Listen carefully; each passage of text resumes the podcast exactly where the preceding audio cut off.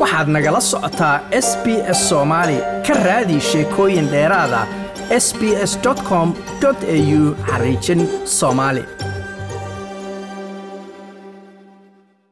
ururka isbahaysiga nato ayaa shaaca ka qaaday in ruushku uu khatar weyn oo toosa ku yahay isbahaysiga iyo ammaanka maadaama ciidamadiisu ay weli guluf dagaal oo culus ku hayaan waddanka yukrain qaxootigan reer yukrain ayaa mudaharaad ka dhigay bannaanka goobta shirka isbahaysiga nato uu ka socdo ee magaalada madrid ee waddanka sbain iyaga oo riixaya in isbahaysigu uu gacan ka geysto xoraynta goobaha uu ruushku haysto. Dibadbaxayaashu waxay siteen calaamado muujinaya geesinimada yukrain iyadoo ay ku baaqayeen in loo midoobo difaaca yurub. Hadalladoodiina waxaa ka mid ahaa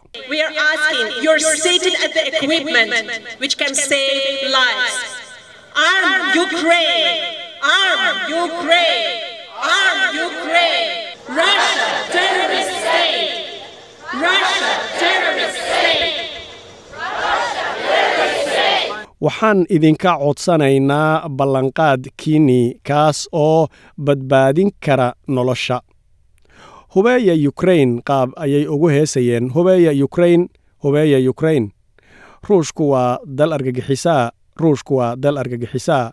Ruushku waa dal argagixisaa.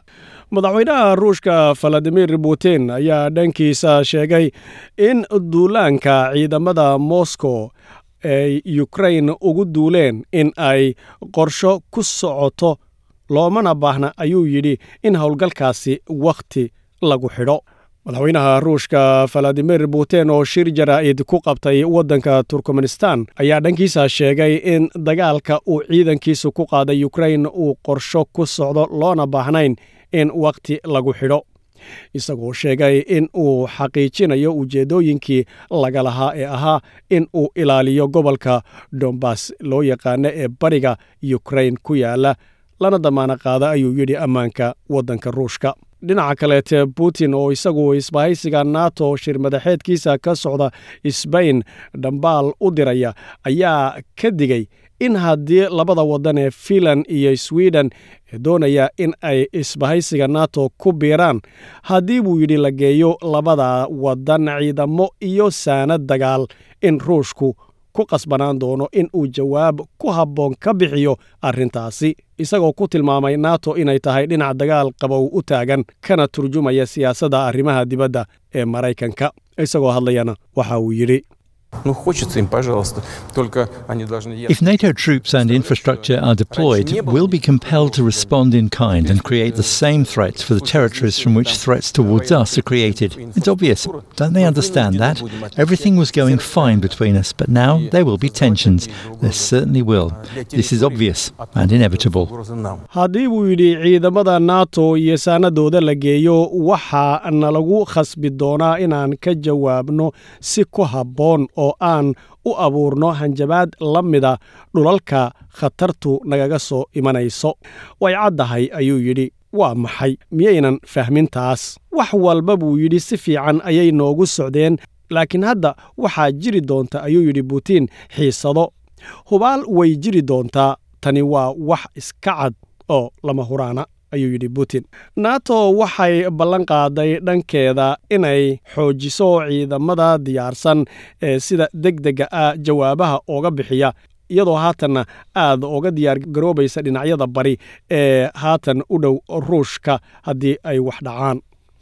Dhankiisa ra'iisul wasaaraha britain boris johnson oo u muuqday in uu u jawaabayo madaxweynaha ruushka putin ayaa isagu sheegay in isbahaysiga nato uu uga falcelin doono sida uu filayo putin si aan ahayn oo ka duwan wuxuuna yidhi NATO is fundamentally a defensive alliance. These are peaceful countries. They don't believe in aggressive behavior, and you know that's it's very very important. nato asal ahaan waa isbahaysi difaac ah waa waddamo nabad ah ma rumaysna dhaqanka gardarrada ah taasina aad bay muhiim u tahay ayuu yidhi boris johnson ra'iisul wasaaraha britain. Dhinaca kaleete turkiga ayaa ogolaaday in uu qaado diidmadiisii ku aadanayd in labada waddan sweden iyo finland in ay ku biiraan isbahaysiga nato kadib labadaasi waddan markii ay muujiyeen doonidooda inay ku biiraan isbahaysiga nato iyagoo aad uga cabsi qaba in ay qabsato wixii yukrain qabsaday. Xogayaha guud ee nato dhankiisa yens ayaa waxa uu sheegay inay muhiim tahay in yukrain iyadu dhankeeda ay wadaxaajoodka la gasho oo ay arrinteeda iyadu ay gacanta saarto. Wuxuuse laakiin sheegay in dagaalku yukrain uu yahay dhibaatadii amni ee ugu weynayd adduunka tan iyo dagaalkii labaad ee adduunka isagoo hadlayana wuxuu yidhi uh,